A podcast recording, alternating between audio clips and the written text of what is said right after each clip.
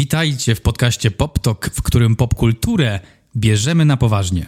Dzisiaj czas podsumowań, bo wybieramy najlepsze filmy 2022 roku.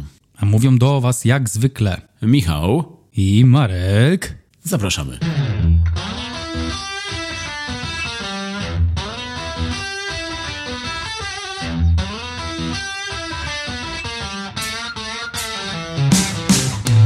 Are they smoking or are they gay?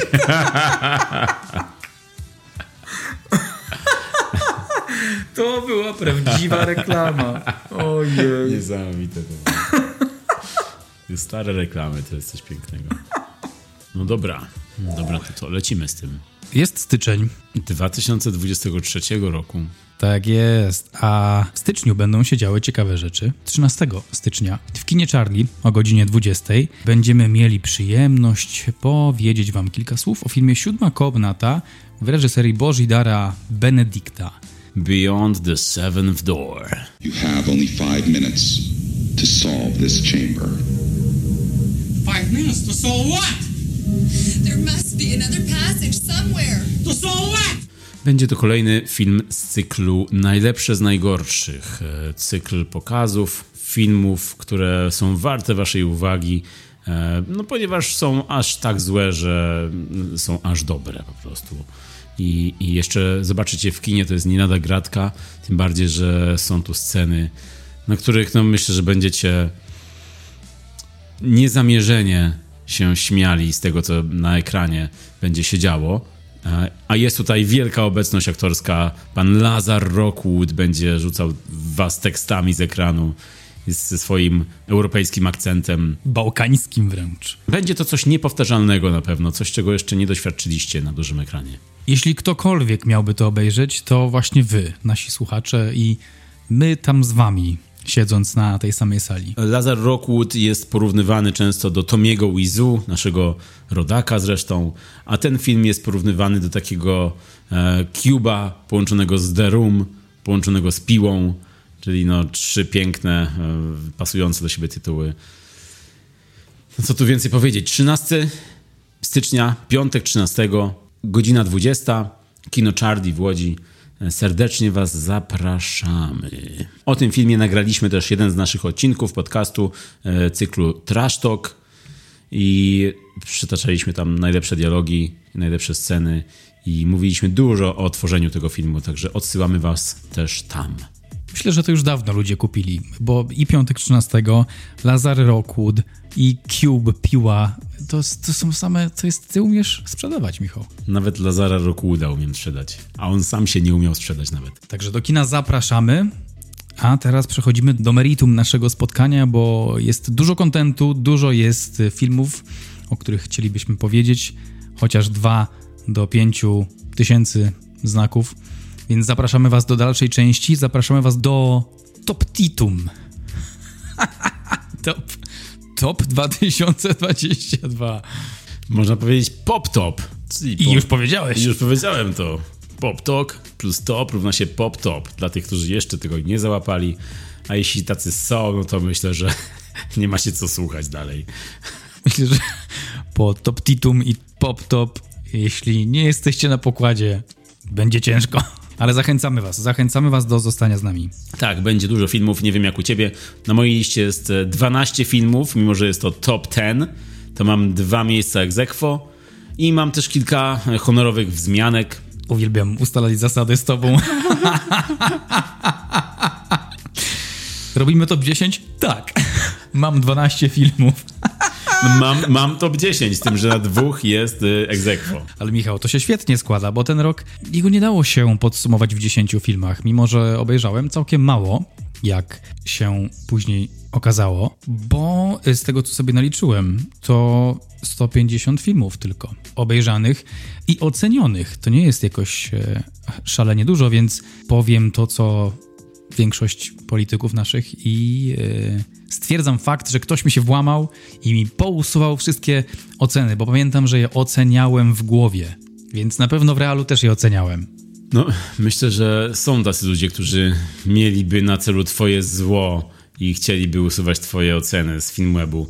To jest całkiem prawdopodobne. To jest ukryta agenda Klausa Schwaba, globalisty. Jego głównym celem jest wsuwanie ocen z Filmwebu. Hack this person's account. Ma więcej ode mnie. Nie może tak być. O, ale fajny głos. To zabrzmiało trochę jak jakbyś był e, aktorem głosowym w Ludwiczku. Naprawdę? To był mój naturalny głos całkowicie. To jakbyś był takim bratem ojca Ludwiczka. No Ludwiczka zawsze lubiłem. Oj, tak, ja też. Także może gdzieś tam podświadomie po prostu zaadoptowałem jego głos. 150 filmów, Michał. A jak u ciebie? Jaki jest wynik? Obstawiam 472. Jak ty sprawdziłeś tą ilość? Policzyłem. A na filmie Spędziłem. Jeden, manualny dwa. czas na liczeniu zakładek. Niestety nie dało się zrobić eksportu do Excela. Trzeba było policzyć. Nie mogę tego sprawdzić. Ej, no wybieram w ostatnim roku i co? Przypomina mi się ten mem e, z, z dwoma czarnoskórymi mężczyznami. Jeden siedzący, drugi stojący nad nim z podpisami ja, kasjerka znająca kod na bułki. Kaj- kajzerki. Przepraszam bardzo. To jest ważny element. To jest istotny element, tak, kajzerki, nie jakieś tam bułki. Nie jakieś tam bułki ocenione. No i gdzie jest ta ilość? Michał versus technologia. To jest dobre podsumowanie, wydaje mi się.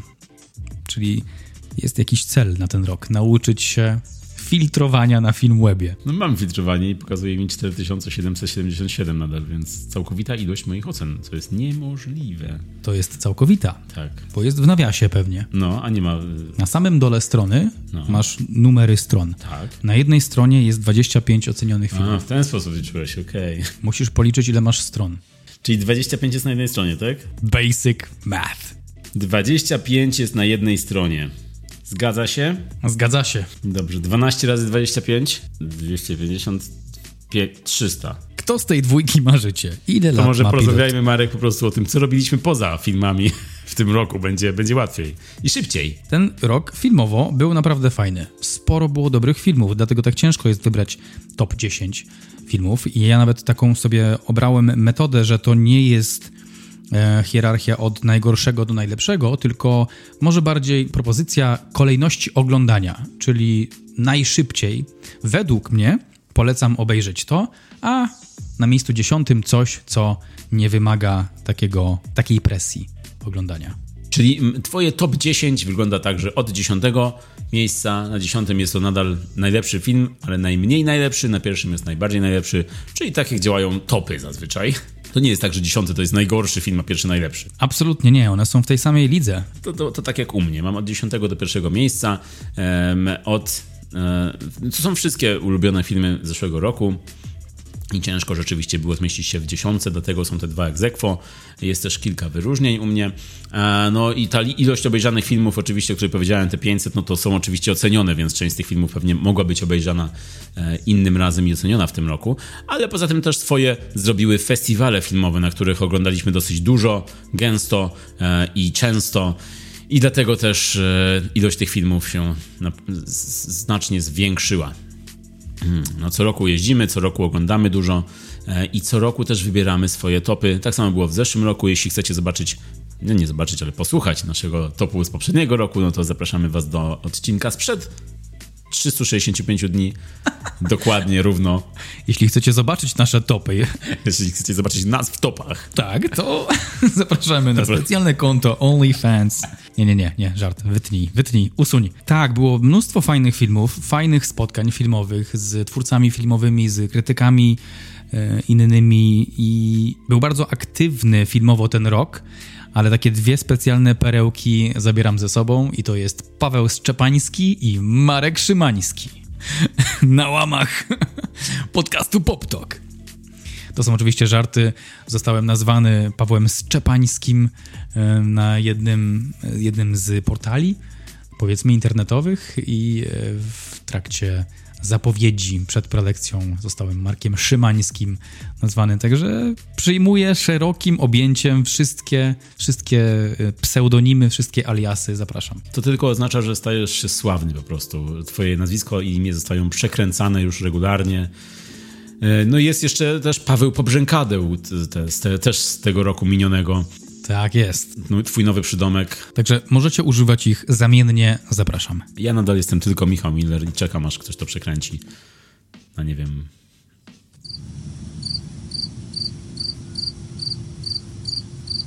Widzisz, ciężko jest to Ciężko jest, totalnie ciężko. To imię jest już samą, ksywą samą w sobie. To nawet nie jest moje prawdziwe imię nazwisko. To jest, to jest pseudonim artystyczny. Nadany mi przez... przez... E... Wow. Still nothing. To jest nazwisko mojej postaci, granej przeze mnie w filmie, w którym właśnie jesteśmy bohaterami. A. I scenarzysta tak wymyślił po prostu. Scenarzysta forsę wziął, potem zaczął pić. Gdzie, gdzie z tym? Dokąd zmierzamy z tym? Zmierzamy z tym do naszego topu 2022, oczywiście. Dobrze, no to jaki to był rok w kinie? Tak, gdybyś miał powiedzieć dwoma słowami, trzema maksimum, jaki to był rok dla ciebie w kinie? Zróżnicowany. Wow, to było jedno słowo w Wow. kilku sylabach. I długie słowo, no. To był taki, taki był mój rok kinowy. Zróżnicowany. Yeah. Bo były horrory, bo były... Koniec. I nie horrory? I nie horrory też były. W większości u ciebie, myślę, były nie horrory jednak. Czyli Oczywiście. zróżnicowanie polegało na tym, że były te dwa horrory w ciągu roku. Dokładnie. To jest egzotyka dla mnie. Je, jesteś z siebie dumny. Tak, klepie się po ramionku. Były horrory, były nie horrory, były prelekcje, były festiwale, była loża krytyków. Było naprawdę żywo, filmowo, kinowo. U mnie, jeśli miałbym, jeśli pytasz już, to, to u mnie mm, e, mój rok powiedziałbym, że był rokiem, co może być też widoczne trochę w tej liście. Chyba wydaje mi się, że był to rok, tak bardziej wybierałem filmy przyjemne. Kino przyjemne i sympatyczne. Jeśli pytasz. Dotarło do ciebie. Całkowita cisza. Nikogo nie interesuje. Widzę to w twoich oczach, że chcesz mnie spytać o coś. Totalnie wcale nie spojrzałem w notatki, nie zapomniałem o tym. Wszystko, co najważniejsze, powiedział. Moja rola spełniona. Odhaczone. Mogę iść. Przepraszam, dalej. Także u mnie był to rok przyjemności, wydaje mi się w kinie. y, To był bardziej rok mm, filmów. Chyba wy- wybierałem bardziej filmy takie, y, takie, które niosą w sobie dużo fanu.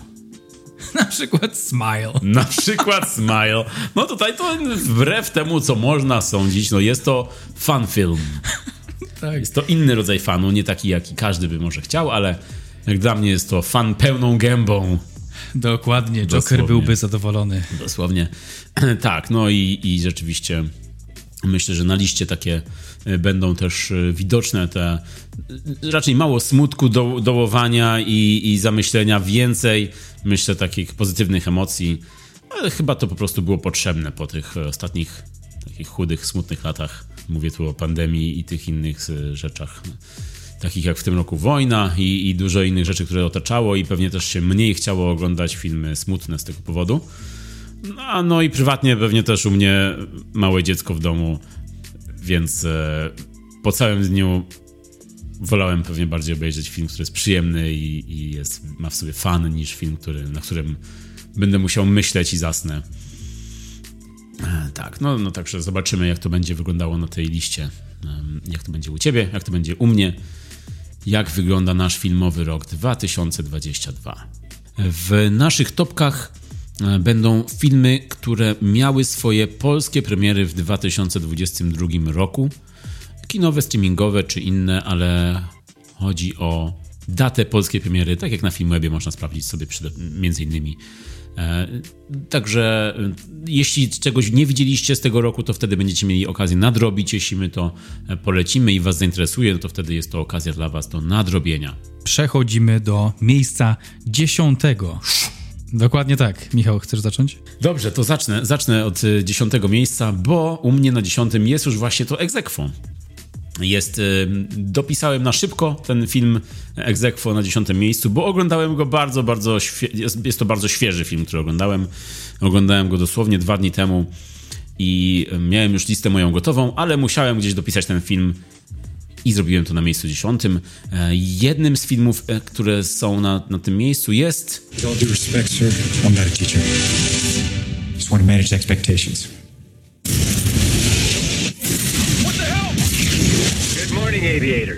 Film, którego nie trzeba nikomu przedstawiać, czyli Top Gun Maverick. Widowisko chyba no, najbardziej, najszerzej omawiane zeszłego roku. E, największe widowisko, widowisko, które przyciągnęło mnóstwo ludzi do kin i, i odzyskało jakby, w, odnowiło wiarę w kino. Film, który zarabia, zarabiał przez kilka miesięcy po swojej premierze jeszcze. No i co tu dużo o nim mówić, nagraliśmy o nim odcinek i tam bardzo dużo mówiliśmy. Jest to no po prostu no school like the old school, a Tom Cruise jest tutaj fucking Top Gun instructor. I to jest po prostu film propagandowy o Tomie Cruise. Kolejny film zresztą, w którym Tom Cruise jest Tomem Cruzem. No ale my god, to działa. Oprócz tego, że jest sciencologiem, to jest też cruzologiem.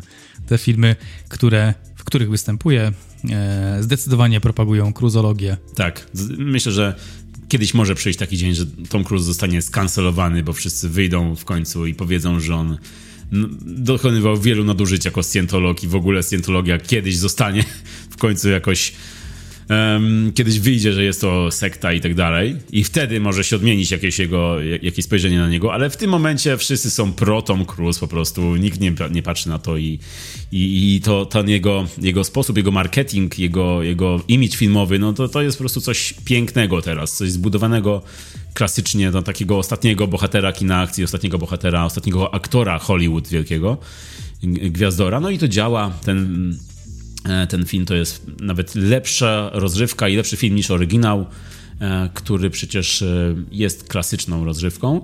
E, Ale tutaj w Top Gun Maverick jest wszystko proste, jest lepsze, mm, jest też klasyczne, bo jest zawiązanie akcji, jest konflikt, jest, e, jest w końcu e, akcja no, na, na poziomie przestworzy dosłownie. E, No i jest finał. Wszystko jest klasycznie, ale, ale bardzo dobrze się to ogląda, zwłaszcza w kinie. Film odkurzył nostalgię, ulepszył ten oryginał.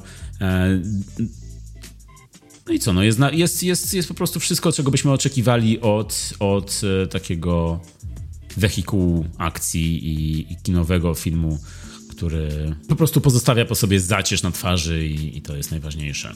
Także Top Gun Maverick u mnie na dziesiątym egzekwo. Jeszcze powiem o drugim filmie, który jest na tym miejscu u mnie, a jest to właśnie film, który oglądałem dwa dni temu i jest to The Fablemans.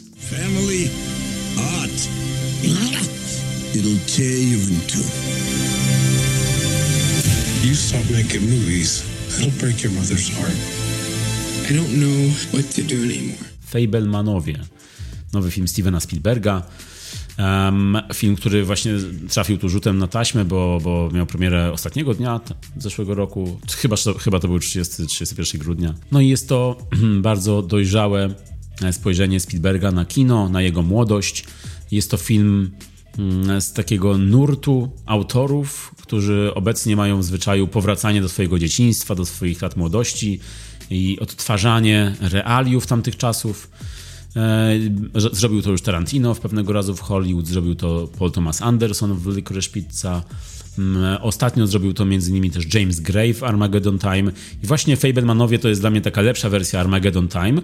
Jest bardzo szczera, bardzo, mm, bardzo kinofilska.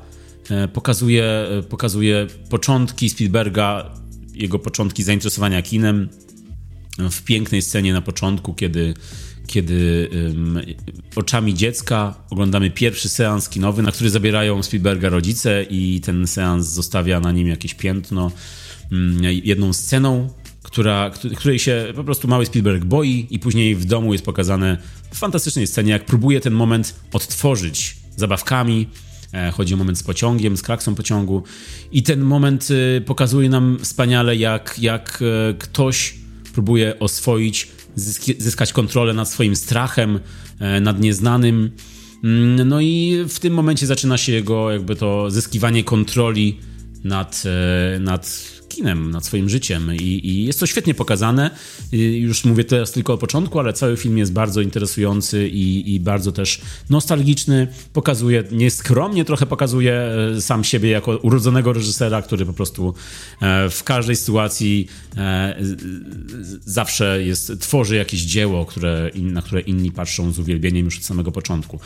Jest to taki terapeutyczny seans dla samego Spielberga, ale też dla widzów o tym, jak sztuka może zmienić życie, ale też jak osoby wokół mogą zmienić ciebie, mogą, mogą zmienić twoje życie, nawet swoją małą e, obecnością, małą, ale zaznaczoną. I jest tam wspaniały finał z małą rolą Davida Lyncha, o czym wszyscy już mówią, więc e, no nie jest to tajemnica żadna. David Lynch pojawia się tam na chwilę, ale tak zaznacza swoją obecność i, i tworzy taki finał z tego, że no, że film zostaje w pamięci i bardzo chętnie do niego wrócę. Fablemanowie, chcę to obejrzeć. Czy to jest y, taki film Spielbergowy, też familijny, jak wszystkie inne jego filmy? No właśnie on mówi, że to jest bardzo prywatny film, ale że wszystkie jego filmy są prywatne i osobiste i zawsze traktują o tym, co jego dotknęło, co on czuje, ale ten film myślę, że jest najbardziej taki osobisty, no bo tam on pokazuje swoją relację z matką, z ojcem, z siostrami, e, z rodziną, z wujkiem, którego gra Seth Rogen przy okazji.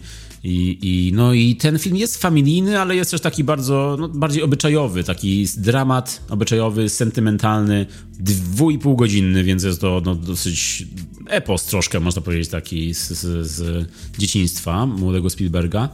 E, Jest trochę familijny, ale jest też coś więcej w nim. Jest bardziej dojrzały niż na przykład można powiedzieć poprzednie filmy Spielberga, takie jak, e, nie wiem, E.T. czy AI. czy FBI, czy CIA? Dużo czy... skrótów w jego filmografii. Także jest bardziej dojrzałym spojrzeniem, nie jest takim typowym filmem familijnym. Nawet po konstrukcji już nie jest to taka typowa konstrukcja, pierwszy, drugi, trzeci akt. Jest bardziej złożone to i skomplikowane niż zazwyczaj bywał Spielberga. Ale jest tam takie ach, och, jest coś takiego. No, no zwiastuny tak to pokazywały, jakby, jakbyśmy wkraczali w kolejny park jurajski i to wszystko było takie, takie mm, przepastne, takie ogromne, takie "A, moje życie tu. No właśnie tak, myślę, że zwiastun pokazuje bardziej to niż to jest tam w filmie. Okej, i- okej. Tak, ten film jest spokojny, raczej jest tam, są tam momenty, są tam sceny takie niezapomniane jak to u Spielberga, ale całość raczej nie jest taka bardzo rozrywkowa i nie jest taka właśnie jak poprzednie filmy Spielberga. Taka, że cała, cała rodzina może usiąść w fotelu i oglądać sobie w domu. Nie, raczej, raczej nie zmęczą tych dwóch i pół godzin na seansie familijnym w domu. Bo tak jak oglądałem zwiastun, to, to pamiętam, że oglądając to... Ja lubię Spielberga bardzo, kino familijne, bardzo lubię. Oglądałem ten zwiastun i on był taki bardzo... Zaraz, to jest opowieść o życiu, czy, czy zaraz wyskoczy dinozaur za budynku? Bo te samochody jadą, jest akcja, jakieś coś się rozbija, ktoś do kogoś mówi za wszelką cenę rób to, co kochasz. Ktoś tam mówi, że tyle pieniędzy na hobby i on mówi, nie nazywaj tego hobby, dobrze? I tylko widzę takiego emo, który zarzuca grzywką i odchodzi. Dosłownie jakbym, czuję się, jakbym był w kinie teraz, jak słyszycie i oglądam ten film od nowa. Więc... I ta, i muzyka też, muzyka jest... Mogliby spokojnie wrzucić tam muzykę z Jurassic Park. No, rzeczywiście tak wygląda bardziej ten fi- ten film niż jest i, i jest tam dużo takiej mądrości, widać takich lekcji, które on wyciągnął od e, swoich rodziców i teraz przekazuje to jakby w hołdzie rodzicom, bo jego rodzice zmarli dwa, chyba trzy lata temu e, w podeszłym wieku bardzo i on ewidentnie czekał na ten moment. Nie, nie w ten sposób oczywiście. No wreszcie mogę. Mom, die already! Czekał. Ja czekałem na ten moment, Michał. Wre... Tego dnia wyjął już ten scenariusz z szuflady. No, tyle lat no to czekałem. Tyle lat czekałem, aż wymyślą truciznę, której nie da się znaleźć w autopsji. Tak było to podejrzane, że oboje, oboje zmarli tego samego dnia. Ale tak, no, nie, oczywiście, oczywiście żarty. Nie, nie, no czekał, czekał w przenośni. Spielberg by zrozumiał, o co mi chodzi na pewno. Nie obraziłby się na to. Steven, come on. Oj. A za dwa dni wychodzi wywiad ze Stevenem. Yeah, I waited for them to die. I, I, I wanted them dead. You gotta dream big! Zgadzam się z twoimi wyborami. Ogólnie y, fajnie, że pojawiły się, pojawił, się- pojawili się Fablemanowie. Fajnie, że pojawiło się Top Gun. U mnie też się pojawi Top Gun. Jeszcze nie teraz. Mm, tak czuję, czuję, że się pojawi. Widzę wszystkie znaki na niebie. Mówisz o tych światełkach tutaj w Te pokoju zapalonych? tak, to chodzi mi o te światełka. Taki wielki napis Top Gun ze światełek. Dzisiaj Top Gun. Dziesiąte miejsce Marka Szymańskiego. Szymańskiego. No właśnie, Michał. Miałem, mi się mylą te nazwiska. Miejsce dziesiąte, Michał, zaskoczę cię. I'm seeing something no one else can see except for me. It's smiling at me.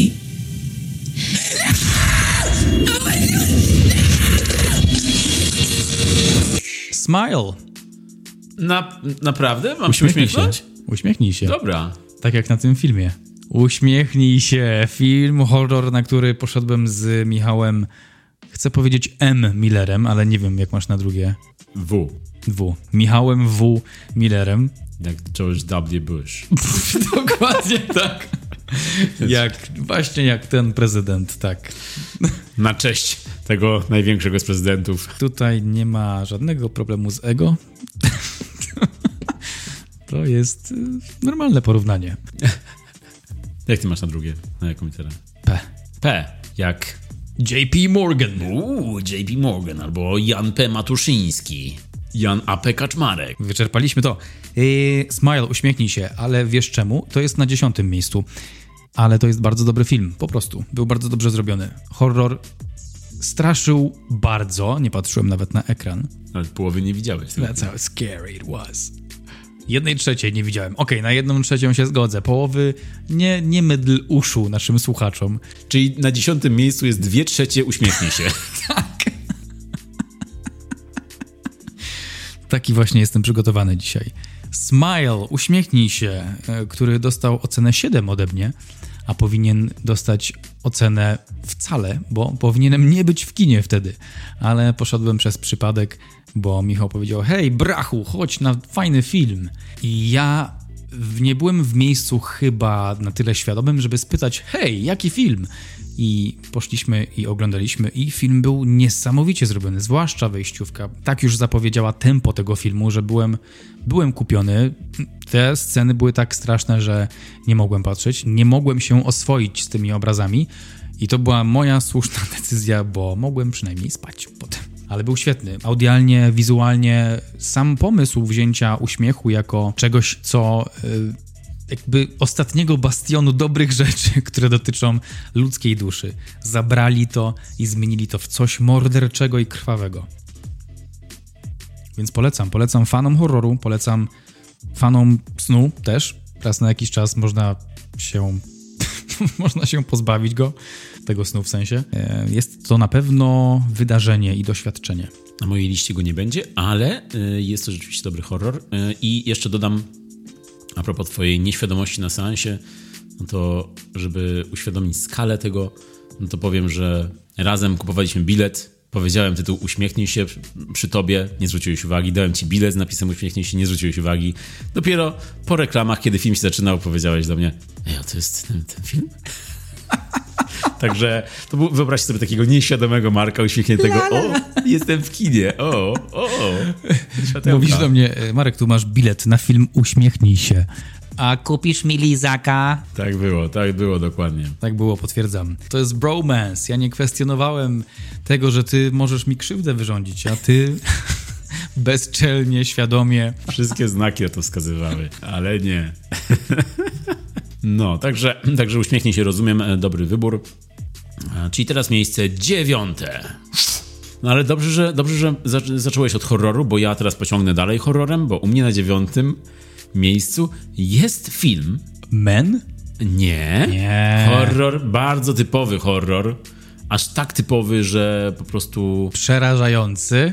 Speaking of surprises, kids, we have a very special guest with us today, all the way from Miles County. Please welcome Art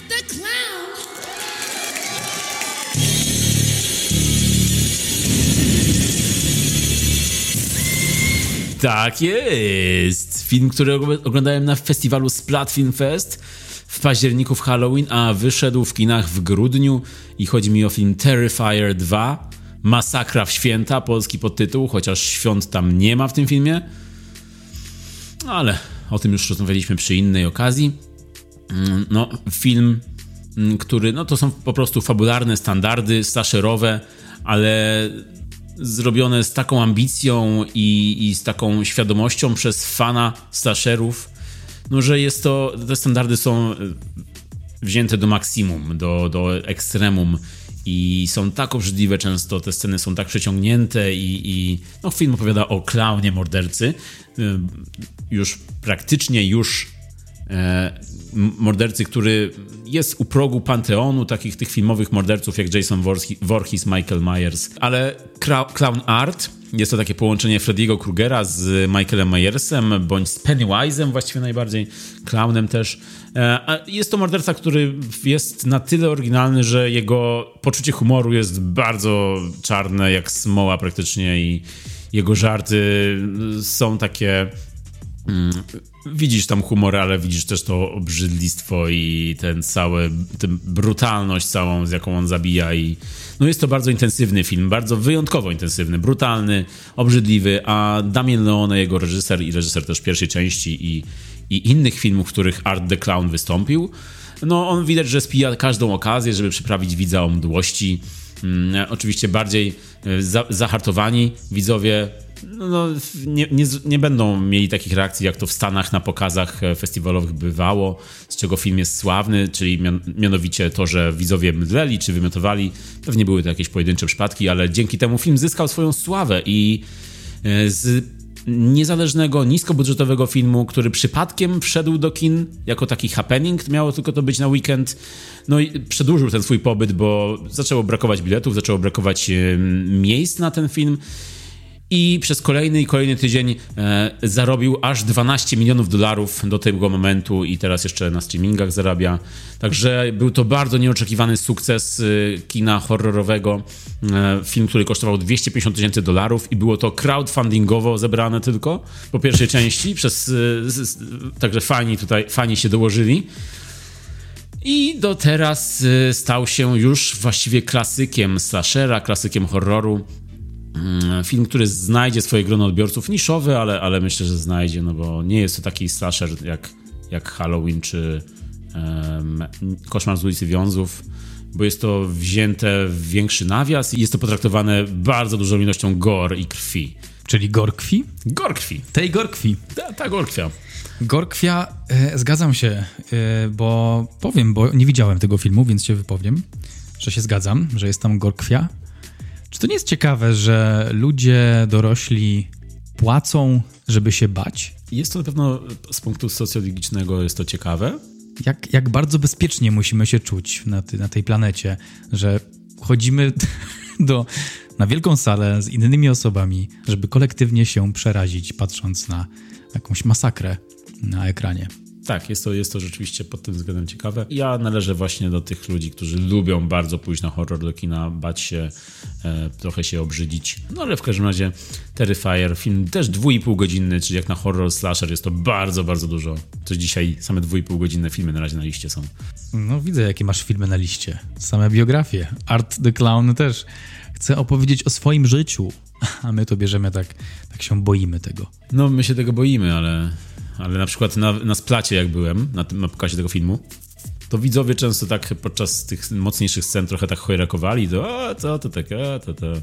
A później jak się film skończył i wszyscy wstali, już wychodzili i nagle w trakcie napisów pojawiła się scena, to wszyscy nagle zamarli, wszyscy patrzyli w ekran. Normalnie cała sala wychodzących ludzi się zatrzymała i wszyscy oglądali dalej.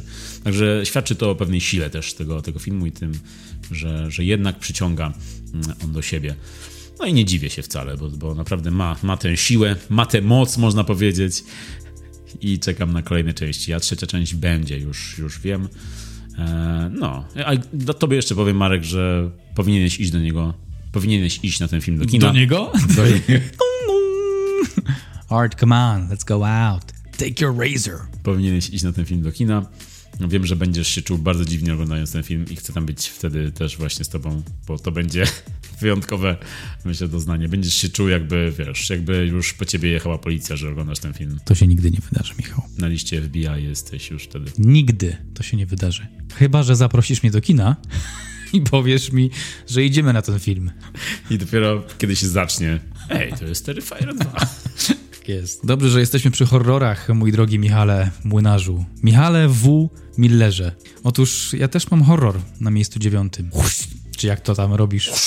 Na miejscu dziewiątym horror, ale horror prawdziwy, nie tam jakiś Art the Clown, czy jakiś inny brzytwiarz z ulicy Wiązów. Spokojna.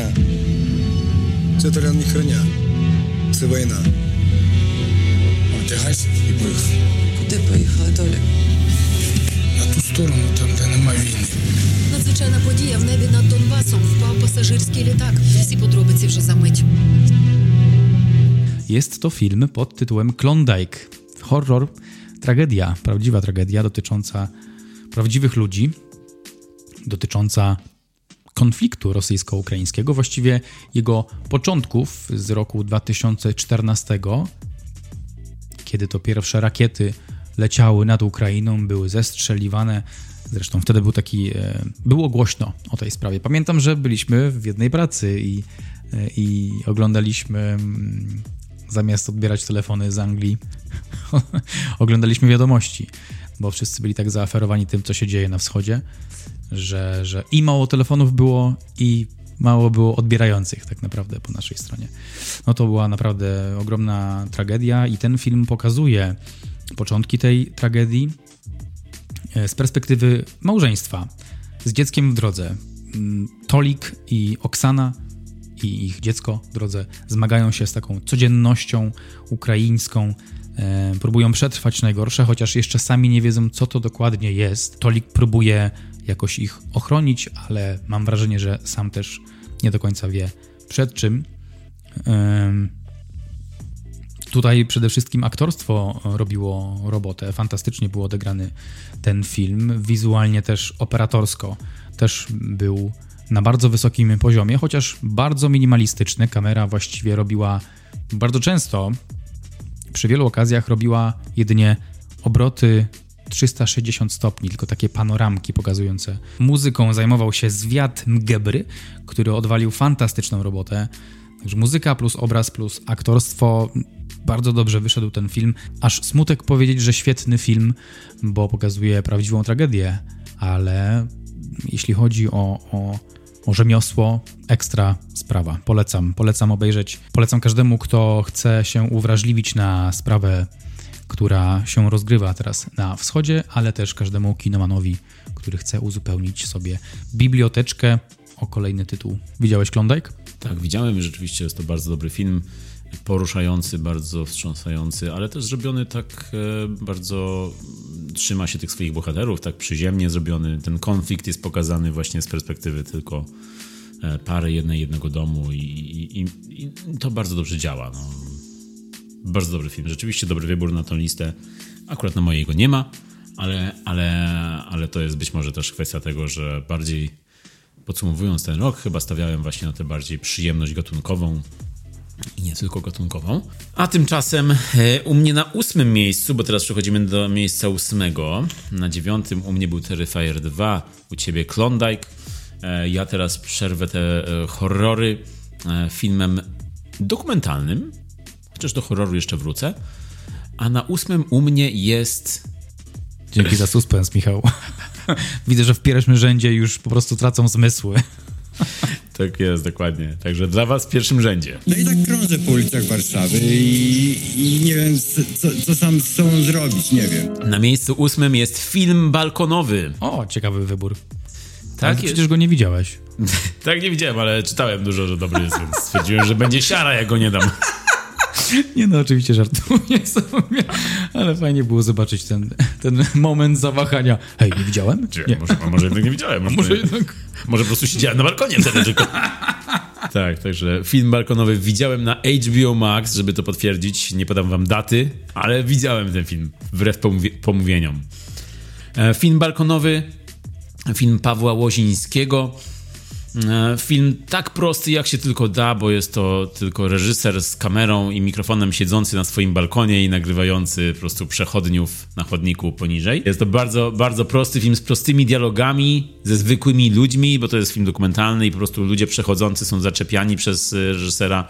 On zadaje im pytania, oni mówią rzeczy po prostu improwizowane, to co chcą powiedzieć, mówią i są to bardzo proste rzeczy, ale trudno oderwać się od ekranu podczas oglądania tego filmu.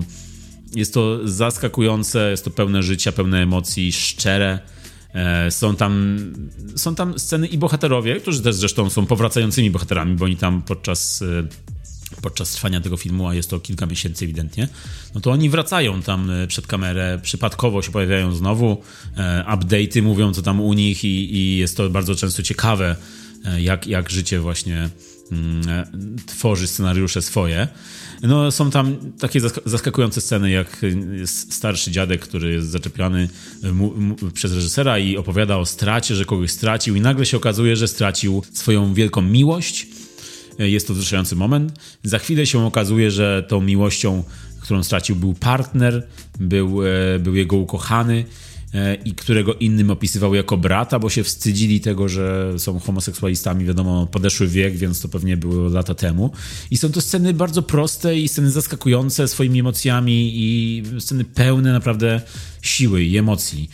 No i są tam też momenty zwątpienia i my też wątpimy razem z bohaterami, też się razem z nimi cieszymy, kiedy coś osiągają. No, no jest niesamowite po prostu to, to, jak tak prosty film dokumentalny może wywołać te emocje. Jest to dosłownie empatia The Movie. No i jest na moim ósmym miejscu. No Marek, ja jestem, jestem ciekaw, co jest dalej. Bardzo mnie ciekawi, jak te nasze topy będą dalej wyglądać. To jest bardzo ekscytujący moment, kiedy podsumowujemy cały rok, kiedy czekamy na ten moment cały rok i teraz widzimy, jak te, jakie filmy są na twojej liście, jakie na mojej. No jestem podekscytowany, co będzie dalej.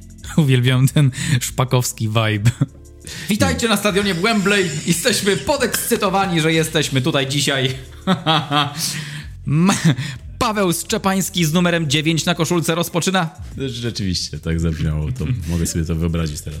Ale super, super to wyszło. Będę tak częściej mówił. W takim razie, Marek, oddaję tobie głos. Proszę bardzo, miejsce ósme. No, rzeczywiście, Michał, patrzymy tutaj na całkiem porządną listę filmów z zeszłego roku. Nie da się ukryć, że był to fantastyczny rok. wiele tytułów, wiele doświadczeń. Ale nie przesiągajmy już, bo czas nas goni. Także miejsce ósme, Marek. Ósme miejsce nie mogłoby być inaczej u Marka Szczepańskiego, Marka Szymańskiego lub Pawła Szczepańskiego, jak Nicolas fucking Cage. Nie, nie, nie, nie. To się nie tak czyta. Your Nick fucking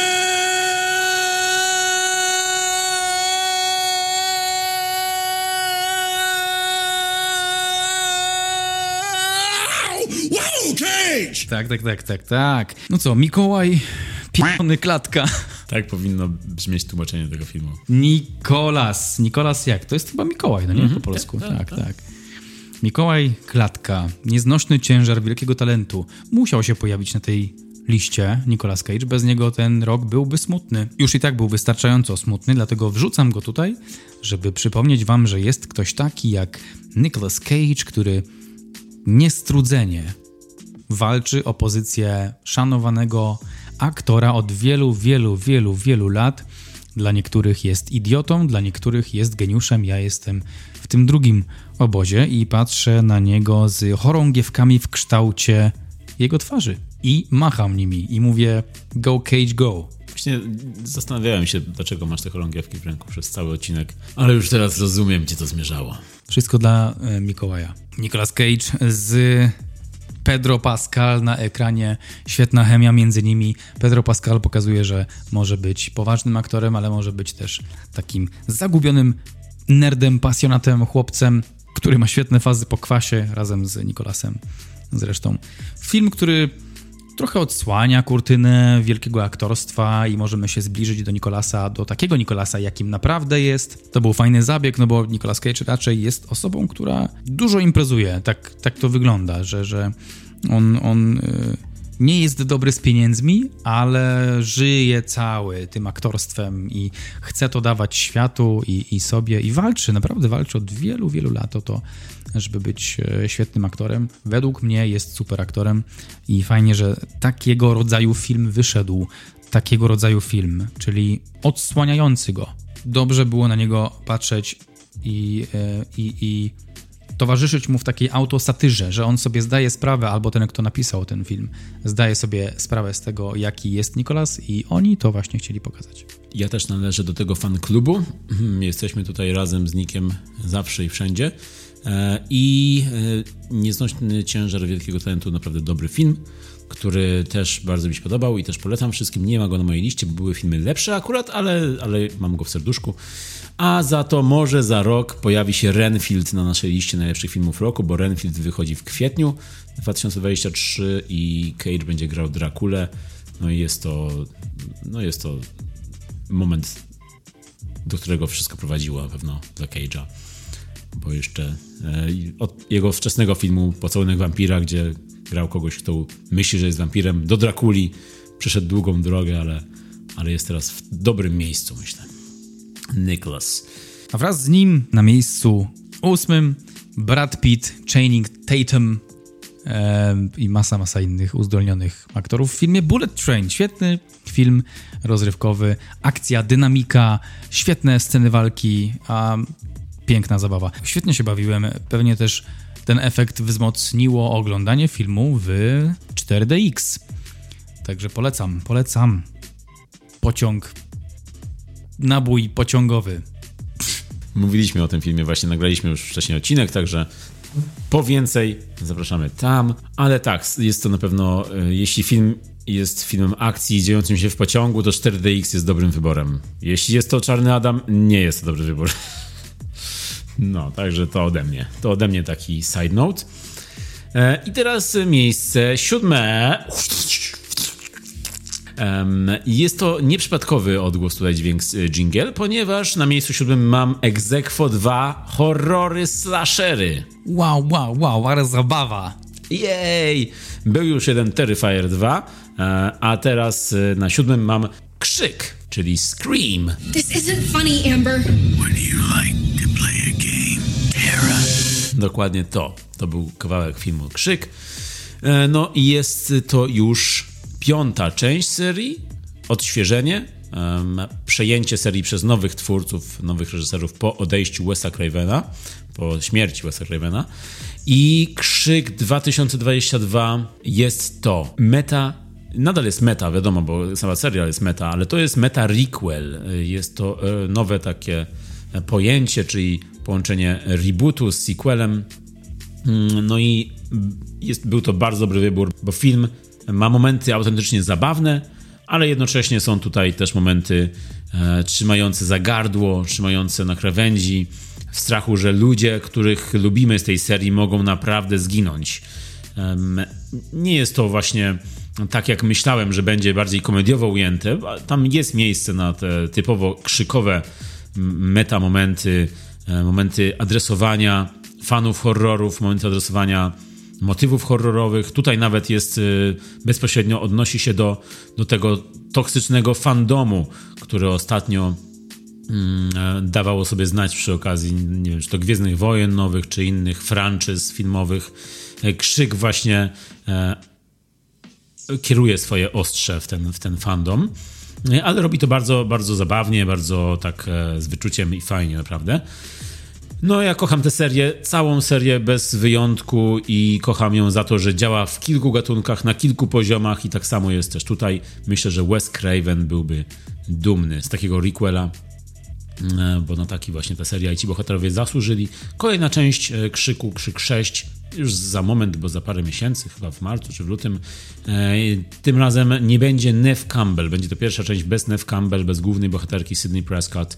E, ona odeszła, ponieważ nie, no, kasa się nie zgadzała po prostu, ale no, jesteśmy tutaj z nią całym sercem, bo zrobiła tyle dobrego, że jak chce kasę, to powinni jej dać kasę za tę rolę. No ale na krzyk 6 i tak czekam. Zobaczymy, co będzie dalej, tym bardziej, że to są ci sami twórcy. Twórcy między innymi Zabawy w Pochowanego. Również dobry slasher, dobry horror komediowy. Także Krzyk na siódmym miejscu, Exequo z innym slasherem z 2022 roku, slasherem e, pod tytułem X. You alright? No.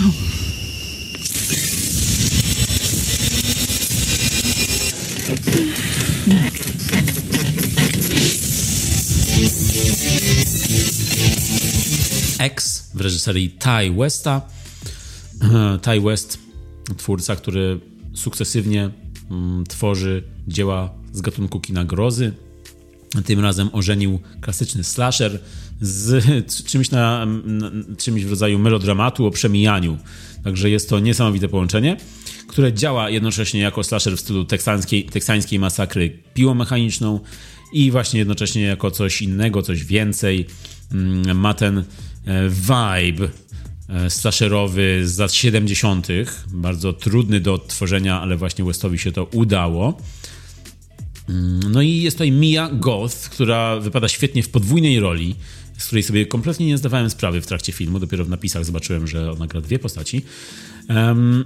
No, e, e, jeśli chodzi o charakteryzację, bo tam, e, tam, tam jakby mordercą, czarnym charakterem filmu są starsi ludzie po prostu, co jest e, ciekawym odwróceniem e, motywów horrorowych, ale też e, czymś, czymś więcej, no bo jednak jest to jakby, jakby ta starszy człowiek jest pokazany tu jako ten potwór, nie, nie, nie przymierzając, bo jako, jako ktoś, kto zabija młodych. I w filmie jest to potraktowane mm, gatunkowo świetnie, ale też e, no, musielibyście obejrzeć, nie będę tutaj za, za dużo zdradzał. Niektóre sceny są tu naprawdę obrzydliwe, e, a Ty West też korzysta z każdej okazji, ale nie nadużywa tych okazji. E, Film ma taki grindhouse'owy feel też. No i jest, y, ma wspaniałą drugą połowę, kiedy zaczyna się akcja, a ta akcja, kiedy wchodzi z buta w jedną noc, to y, zostaje w tą noc. Nie puszcza, tak jak inny horror by puścił e, i, i przesunął te, te, te, te morderstwa, ten, ten, e, ten, to zagrożenie na kilka dni. Tak tutaj się wszystko dzieje w jedną noc i, i robi to bardzo intensywnie. I nie upuszcza tego powietrza, za to West upuszcza wiadra krwi w, w swoim filmie i, i, X ma już swoją drugą część, która niespodziewanie wyszła parę miesięcy później. Niestety jeszcze u nas nie była w kinach, a szkoda, bo ja bym obejrzał w kinie film Pearl, pokazujący origin story e, tej czarnej, czarnego, czarnej bohaterki, wilena filmu X. No, także siódme miejsce u mnie Krzyk i X. Mocno horrorowe. A u ciebie? U mnie na siódmym miejscu? Tak, Marku, u ciebie na siódmym miejscu. Co mamy teraz na naszym e, telebimie? No cholera, nie strasz go, przecież to tylko osioł. Na Telebimie mamy film... Io! To, był, to miał być osiołek. Czy to, wyszło, czy To nie? Chyba nie. Wyszło, nie, całkiem dobry osiołek był. był bardziej osiołek niż pogotowie, więc... Jak, jak bardzo skancelowani jesteśmy. Nie, myślę, że żaden osiołek się nie obrazi na to. Także ja tu o horrorach, a ty tutaj o osiołku teraz, dobra. Io to film zwierciadło, a odbiciem jest stan ludzkiej duszy. Wydaje mi się, że film na każdą okazję dobry, bo nie wymaga takiej mega dużej atencji, ale zostawia odcisk. Zostawia odcisk, albo przynajmniej pokazuje kierunek na tym kompasie moralnym, który każdy z nas jakiś tam ma. Ktoś powie, ale bezsensowny pomysł, po co mam patrzeć na świat z perspektywy osiołka? Przecież osiołek nie wie, co to pieniądze i praca. Ale ktoś inny spojrzy i powie: Wow, ale fajne lustro chodzi po tym świecie, w którym się przeglądam, i okazuje się, że nie jestem taki dobry, jakim się postrzegam, i okazuje się, że mm, wszyscy ludzie na całej planecie mają jakieś problemy. I o to pokazuje. Także ode mnie.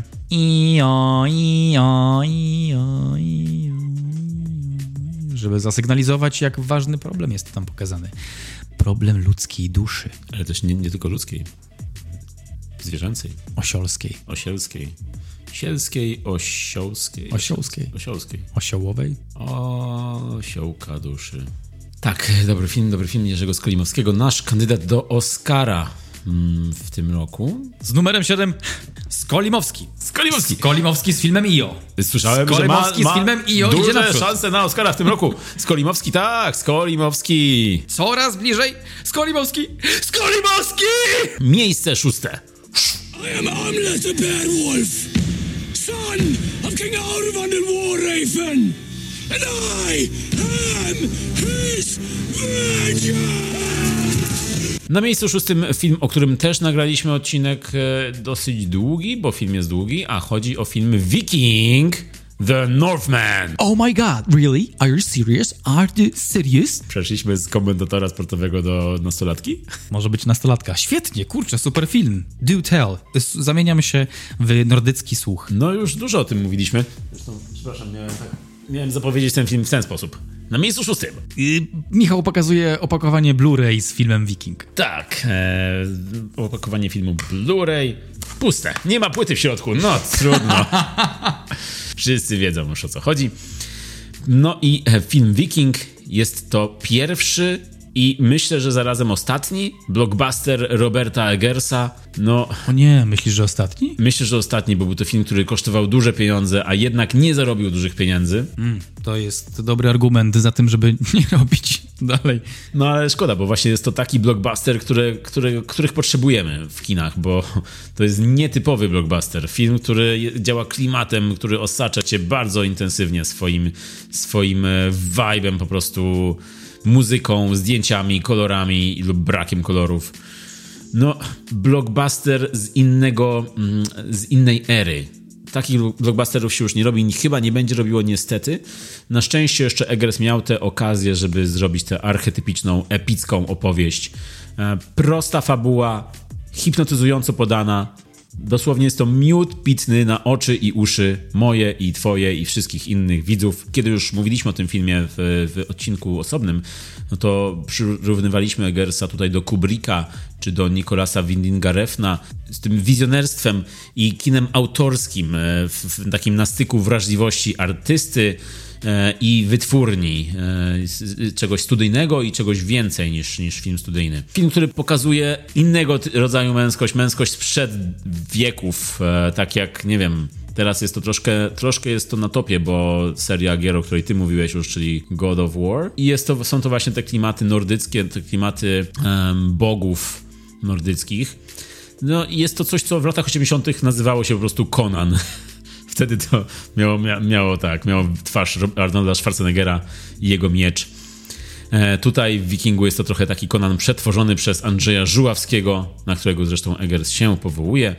E, no, gość ma na pewno ciekawe inspiracje filmowe, bo właśnie Kubrick, Żuławski, ale też jest tam e, Tarkowski, e, kino rosyjskie. Widać tam Tarkowskiego. Tak, no i właśnie są to ten zbiór nietypowych inspiracji i, i, i tematów, które interesują Eggersa, daje nam właśnie kino w stylu Wikinga, kino niepowtarzalne, kino, które potrafi mocno przyłożyć w mordę niejednego, nie tylko Wikinga. Także miejsce szóste u mnie Viking. Miejsce szóste u ciebie Viking. Wow, ale fajnie, że mówisz o tym filmie, bo ten film powinien tam się znaleźć. Tyle, co oni się napracowali To jest jedyny argument. Tyle pracy przecież. Jak krew w piach, żeby to nie było. Michał. Jak nie zarobili tych pieniędzy, to chociaż go dajmy na ten top. tak. Przynajmniej będzie na topie poptoku. Słyszeliście o PopToku? Tak, Eggers będzie mówił na następnym spotkaniu z wytwórnią. No ja wiem, że nie zarobił, ale słyszeliście? Był w topie PopToku. Shut up and take my money. A, następny film będzie o Królewnej Śnieżce w jego wersji. Northman, Viking. Oglądałem ten film, o, właściwie to, jak to powiedzieć po polsku, reoglądałem, czy oglądałem ponownie, jak tak słabizna. Reoglądałem, no nie? Reoglądałem ten film kilka dni temu i jest cały czas świetny. Cały czas. Oczywiście jest to kino specyficzne, bardzo męskie, można powiedzieć, nie każdego zainteresuje, mm, ale ta szczegółowość, to, to, e, ta, ta miłość do szczegółów Eggersa i ta miłość aktorów do Eggersa i chęć współpracy z nim i cała ta otoczka, jak, jak opowiadał o tym, jak ten film powstawał, jak kadry były tworzone, jakie wyzwania przed nimi stały, jakie, w jaki sposób odzież powstawała, w jaki sposób te statki wszystkie, e, w jaki sposób, jaką transformację przeszedł główny aktor, czyli Aleksander Skarsgård. Świetny, świetny był efekt. Mam to u siebie na liście, jeszcze nie teraz, ale przyjdzie. Na to wszystko, co powiedziałeś przed chwilą, mówię tylko skol. Miejsce szóste.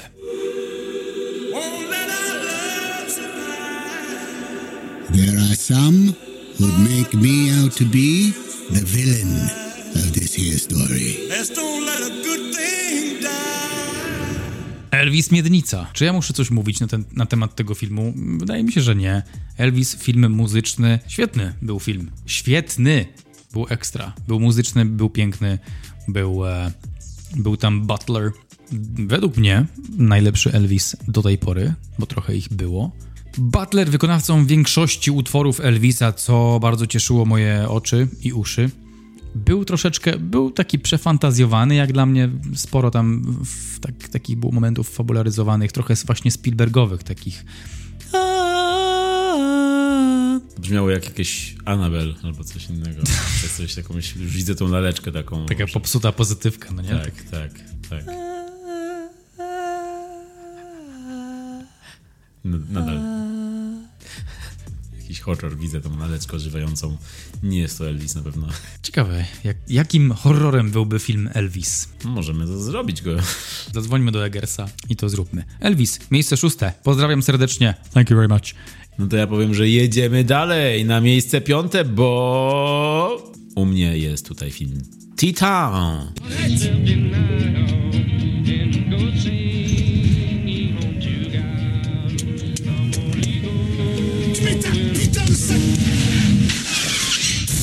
Zaskoczyło mnie, że to był ten e, rok, bo to był styczeń 2022, kiedy ten film wyszedł u nas w kinach. My go oglądaliśmy jeszcze w 2021 przedpremierowo, także wydaje mi się, że to było jakieś dekady temu, kiedy widziałem ten film.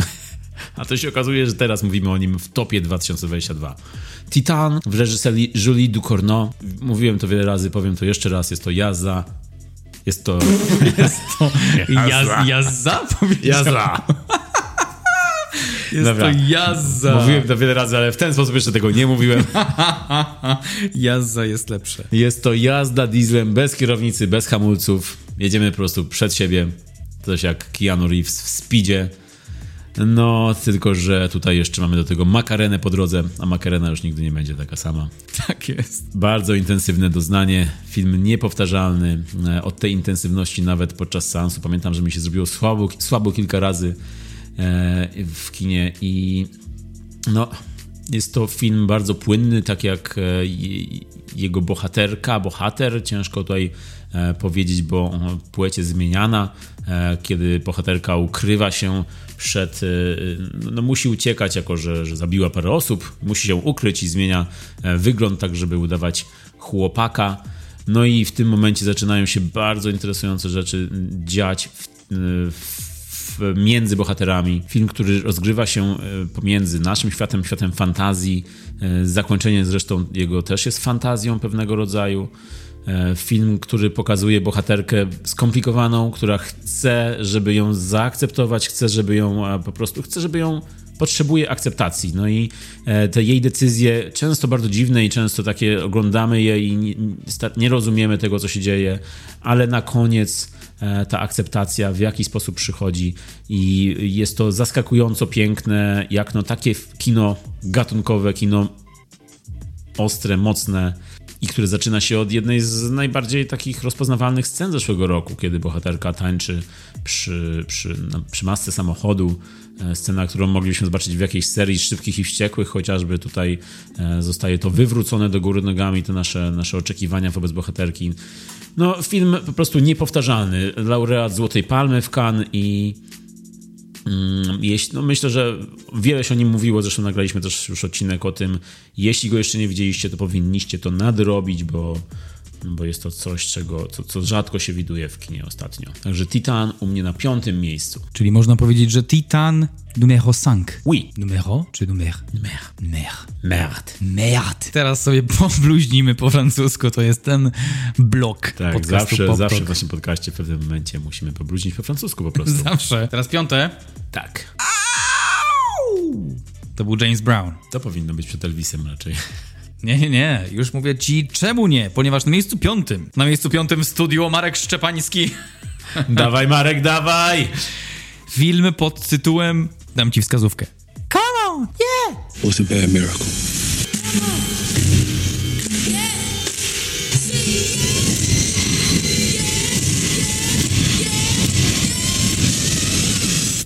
Yeah, no, no, no.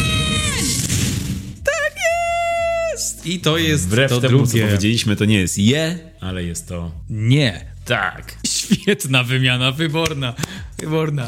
Szpakowski vibe. Miodek by się poskładał od tej audialnej uczty. Panie Miodek, kończ pan już ten podcast!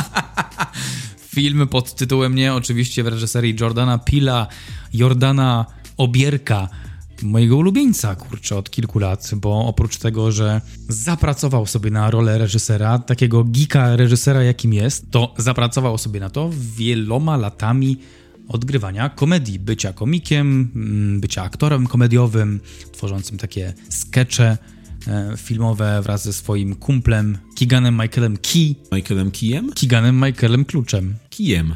Kijem. Go on. Myślałeś, że bardziej mnie to rozbawi. ale super. Ale kijem super. Cię, kijem cię bardziej wezmę, ale nie. To jest mój ulubiony moment 2000. Ach, już nie. Już Dopiero nie. za rok powiem o Tak. tym momencie. Tak. I fajnie, że znalazł się w tym miejscu, bo widać ile dusz, ile serca w to wszystko wrzuca. Damn, man. Świetny film, świetny film. Trzeci film Jordana Pila, poprzednie dwa to Get Out, czyli Uciekaj i Us, czyli To My. Trzeci film Nope, czyli Nie. Jordan Peele, wow, wow, wee, wow, stworzył coś, co jest no, niewygodne, niepokojące. Tak, takie miałem odczucia. I dziwnie realne w, tym, w tych emocjach, które podejrzewam nie jeden dorosły człowiek przeżył, czyli pewnego rodzaju pułapka, pewnego rodzaju osaczenie. to jest codzienność każdego dorosłego człowieka. Wychodzisz do żabki, pytają się o punkty, czy zbierasz, czy masz kartę i od razu. Znowu jestem osaczony. Także tak, no, to takie właśnie momenty. Takie właśnie momenty Jordan Peele pokazuje. Niby horror, ale dla każdego. I to właśnie mi się podoba w jego filmach, bo on horror traktuje jako część życia. Część, z którą powinniśmy się e, oswajać w ramach takiego treningu. Ktoś mu zadał pytanie, czemu horror? Odpowiedział na to pytanie, przecież częścią życia jest też horror. Są to trudne momenty i tak bardzo świadomie podchodzi do swojego mm, filmu, do gatunku, jaki proponuje, też reprezentując czarną społeczność w Stanach Zjednoczonych i on to pokazuje zarówno w swoich filmach poważnych, powiedzmy tych poważniejszych, czyli tych bardziej horrorowych, jak i w tych komediowych porusza ten problem, problem rasizmu. Także Jordan potrafi na poważnie, wie czym jest dobra komedia, wie czym jest dobry dramat horror em, i kibicuję mu dalej. Będę oglądał to, co on będzie robił. Wizualnie cudny, muzycznie miazga, Daniel Kaluja i Kiki Palmer. Wow! Daniel gra ciszę, Kiki jej przeciwieństwo, także polecam w sposób szalony. Pil jest, e, jest wielkim człowiekiem, już e, wiele zrobił dla kina. To, że e, rasizm porusza w taki sposób, jest znamienne w jego twórczości, chociażby dlatego, że pierwszym jego reżyserskim projektem było Get Out, Uciekaj. Film, który był jakby punktem zwrotnym w horrorze, a przecież bezpośrednio adresuje temat rasizmu. E, I, no, i, no i był czymś, czymś nowym, nowym głosem w kinie grozy. Pory, tak, to był ten głos właśnie. I od tej pory właśnie wiele osób się powołuje na niego teraz, na Get Out, tworząc nowe horrory. Ale tak, bardzo dobry wybór. No jest tam ta świetna scena, jedna z lepszych tego roku, czyli Didn't I tell you this motherfucker was gonna come up here with a non-electrical camera? Let's go, boy! Tak jest. No to z miejsca piątego przechodzimy na miejsce czwarte. Panie Marku, zbliżamy się do pierwszej trójki już, jesteśmy prawie tam. A na czwartym u mnie jest film, który też oglądałem w 2021 roku na festiwalu American Film Festival.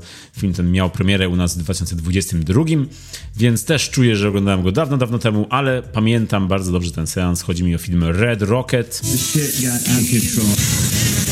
I came this fucking close to getting shot. This fucking close. film w reżyserii Shona Bakera, człowieka, który e, obraca się w takich podobnych klimatach, czyli w tych e, patologiach amerykańskich, w tych, e, tych okolicach Stanów Zjednoczonych, w których nie każdy by się chciał znaleźć. Tak samo jest tutaj w Red Rocket. Film się dzieje w Teksasie.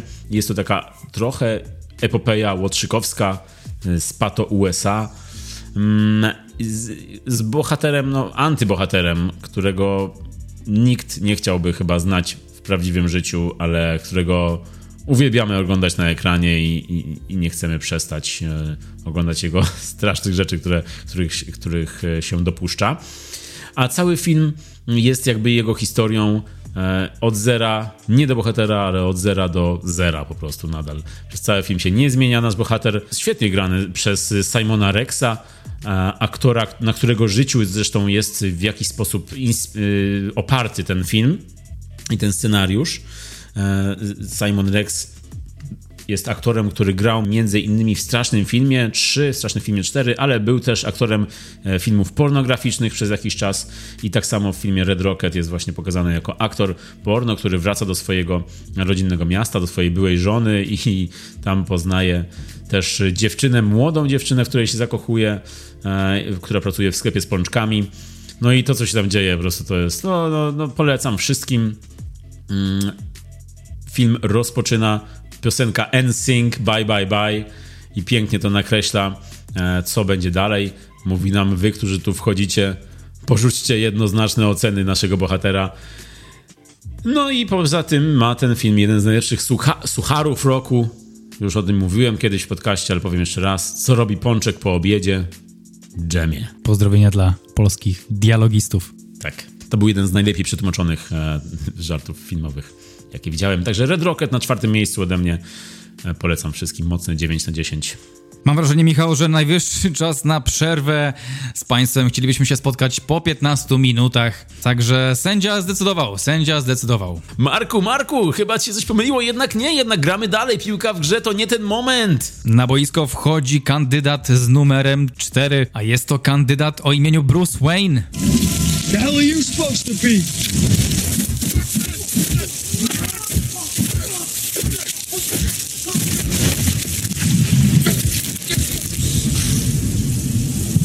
I'm vengeance. Czyli Batman. Batman, który uzyskał w moim sercu cyfrę 9 na 10 i prawdopodobnie dostał serduszko. Człowiek nietoperz. Zamaskowany mściciel. Caped Crusader. Po prostu teraz wymieniamy różne nazwy i pojęcia. I nazwiska. słowa, słowa, słowa. Batman Reevesa to Batman z komiksu Batman Rok Pierwszy. W pewnej części. Tam się kilka rzeczy miesza, ale Bruce Wayne, jakiego doświadczamy w filmie Mata Reevesa, to właśnie bardzo podobny temu, który w komiksie rok pierwszy rozpoczynał swoją karierę jako Batman. Był taki mm, nieokrzesany jeszcze, nie miał tego wyczucia ulic, badał je, pisał pamiętniki, obserwował je, próbował wchodzić w akcję i rozwiązywać jakiś konflikt, ale wychodził z tych sytuacji w szwanku, więc możemy dostrzec elementy tego komiksu w tym filmie, ale jest to bardziej rozbudowane na szczęście. Batman Pattinsona, według mnie, najlepszy Batman do tej pory. Oczywiście każdy z nich miał coś innego do zaoferowania, to były inne uniwersa, inne wizje, inna estetyka. Natomiast ten najnowszy Batman, mimo wielu zarzutów, że wygląda trochę jak emo, no to był tym, tym noirem, jakiego potrzebowałem. I to właśnie Pattinson pokazywał. Widzimy tam złoty kolor obsesji, który wlewa się po prostu w ciemne ulice Gotham i hipnotyzuje. Hipnotyzuje tą kolorystyką. Pattinson otwiera według mnie nowy rozdział zamaskowanego mściciela, a Greg Fraser robi wszystko, żebyśmy byli na pokładzie Batmobilu, czyli operator. Operator, który między innymi pracował też przy Dune. Rewelacyjna sprawa. Czekam na kontynuację.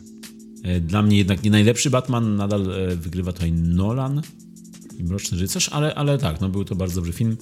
E, przede wszystkim to, co najbardziej pamiętam z Batmana, to jest Colin Farrell jako, jako pingwin.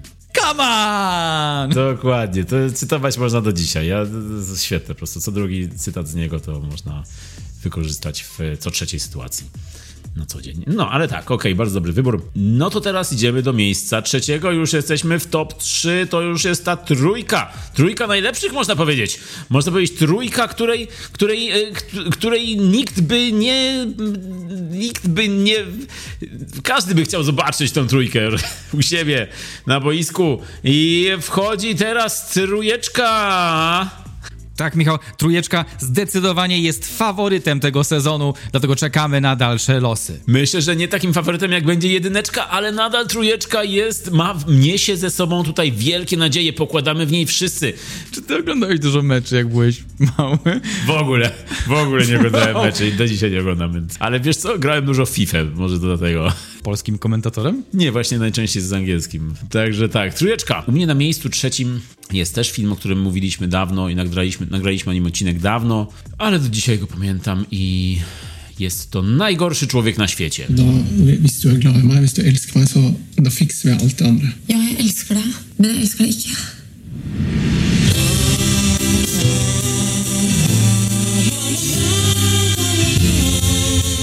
Najgorszy człowiek na świecie, filmy Joachima Trira o najzwyklejszych ludziach na świecie. Cóż tu jeszcze mówić o, po tym naszym półtorej godziny gadania o tym, ale powiem jeszcze raz, że jest to kalejdoskop wzlotów i upadków, um, potraktowany z wielką empatią przez Trira który błyskotliwie rozkłada, pokazuje w filmie dwa pokolenia. Jedno zagubione, szukające drogi, może trochę bardziej myślące o sobie, drugie zapatrzone w przeszłość, ale nie tak dziadersko, tylko bardziej poetycko.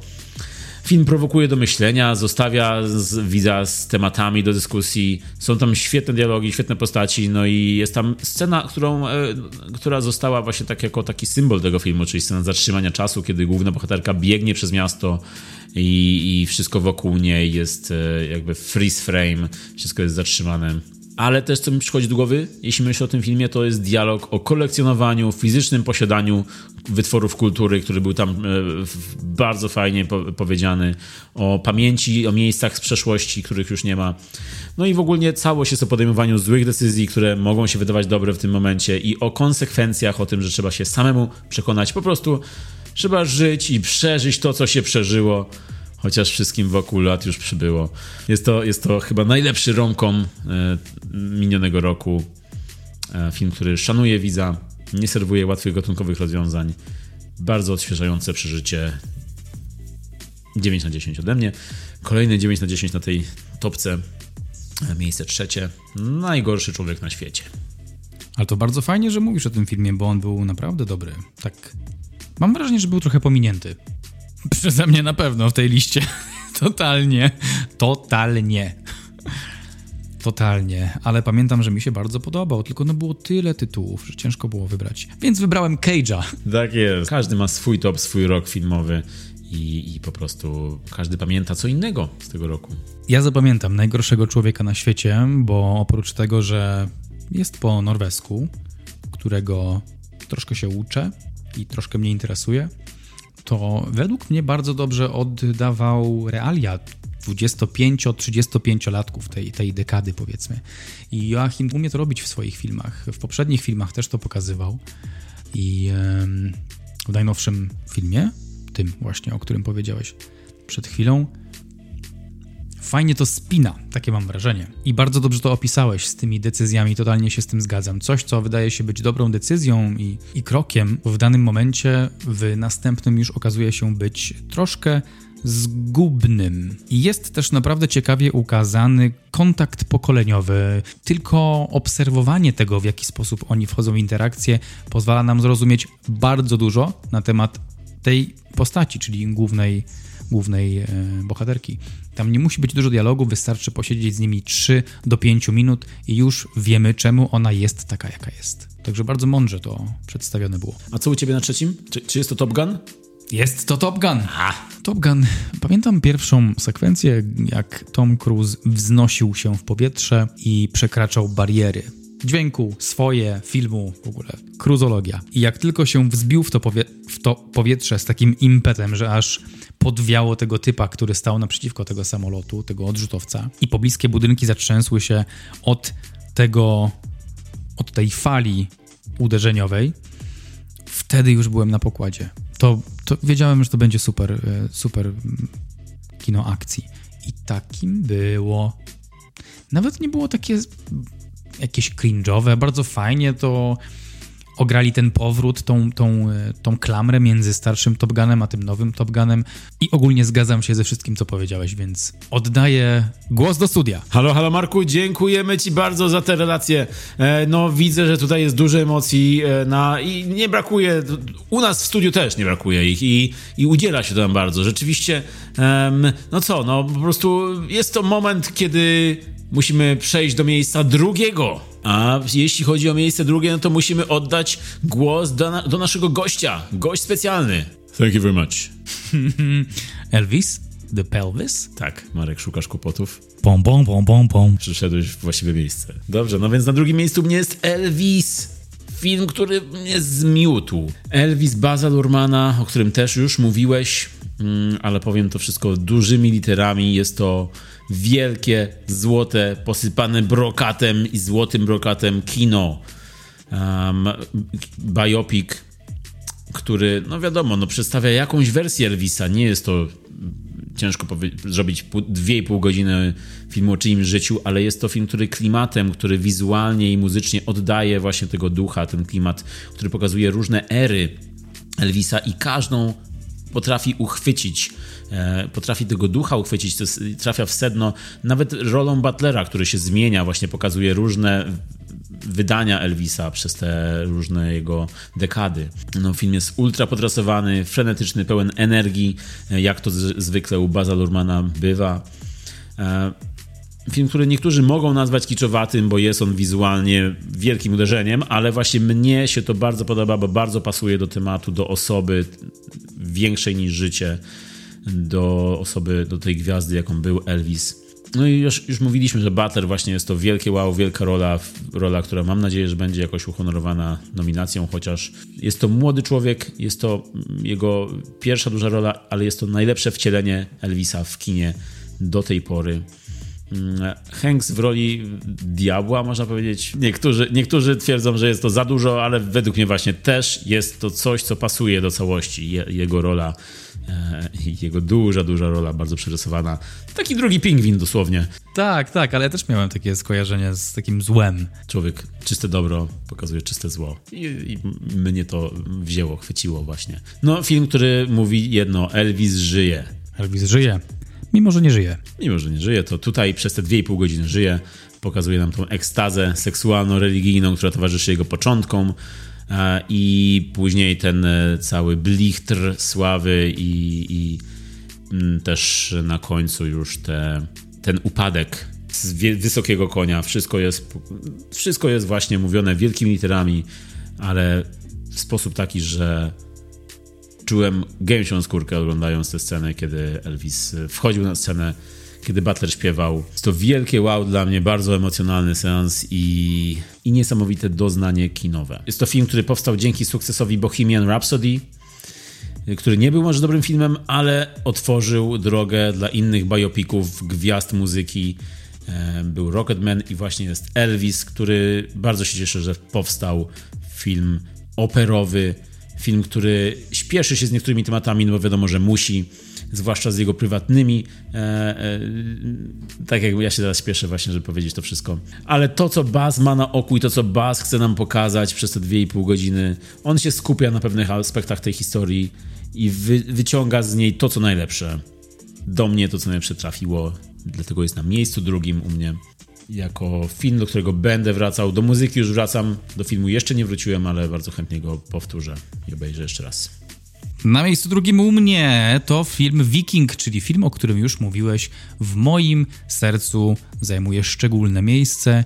Viking, no świetna podróż, świetna męska podróż. Kinowa też e, świetna podróż i wszystko na wszystko na petardzie, włącznie ze sceną skakania do morza, gdy się, krótko mówiąc, dowiaduje, że jego partnerka jest w ciąży. Stoi I'm na krawędzi. Stoi na krawędzi statku i mówi: Powiedz mojemu synowi, że jest wojownikiem. I odpływa i właśnie. Poszedł do fajki. Dokładnie. Wtedy wszystko się zaczęło. To jest źródło wszystkich dowcipów znikających ojców. To jest oczywiście żart. Ogromny żart, e, ale nie tak ogromny jak skala tego projektu. Świetny film. I będę do niego wracał jeszcze nie raz. Dziedzictwo Eggersa w sercu mym. Ale tak szybciutko przechodząc do pierwszego miejsca, bo o Wikingu trochę już mówiliśmy, to u mnie jest arcydzieło arcydzieł roku 2022. Powiemy to Ignoruję razem. twoją Powiemy to razem, rękę. bo wiem, co jest u ciebie. Jak myślisz? Wiem, bo u mnie też jest to samo. Czy to jest- Uwaga, trzy, cztery. Cztery. Wszystko wszędzie naraz! Mrs. Wang. Mrs. Wang. Mrs. Wang, are you with us? I am paying attention. I nastąpiła synchronizacja. Planety się ustawiły w jednej linii I wszechświat zaraz wybuchnie. i zanim wybuchnie, będziemy opowiadać o tym filmie tak, że ja powiem jedno słowo, a ty drugie, bo dokładnie Dobra. to samo Ty mamy do powiedzenia. Ty ze swoich notatek czytaj, ja ze swoich. Jednocześnie. Nie no, jazda. Jazda na całego. To może tak, to może tak, Michał. Michał. Michał. Marek. Co najbardziej tobie się podobało w tym filmie? Wszystko. Wszędzie? Naraz. Dziękujemy bardzo za uwagę. Mówili do was jak zwykle. Micha... O nie, dobra. To powiedz pierwszy, ja do, do, po prostu powiem, zgadzam się i zakończmy to. Gdzie tu zacząć? Wszystko wszędzie naraz. siostry Wachowskie mogą się uczyć. No nie no, przesadzasz. to było dla mnie, to było dla mnie na tym samym poziomie, co film Matrix. Świetna sprawa, wow. Nie mam notatek na, na temat tego filmu. Tak Myślałeś, pojadę na, na, na żywioł. To jest zawsze zły pomysł.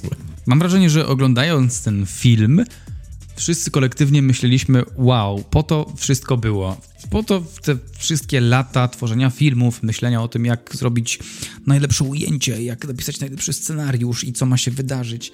Wszystkie te praktyki, które powstawały przy tworzeniu filmów, doprowadziły do tego momentu, którym siedzieliśmy w kinie i mieliśmy maluteńką, ale soczystą wisienkę całego kina.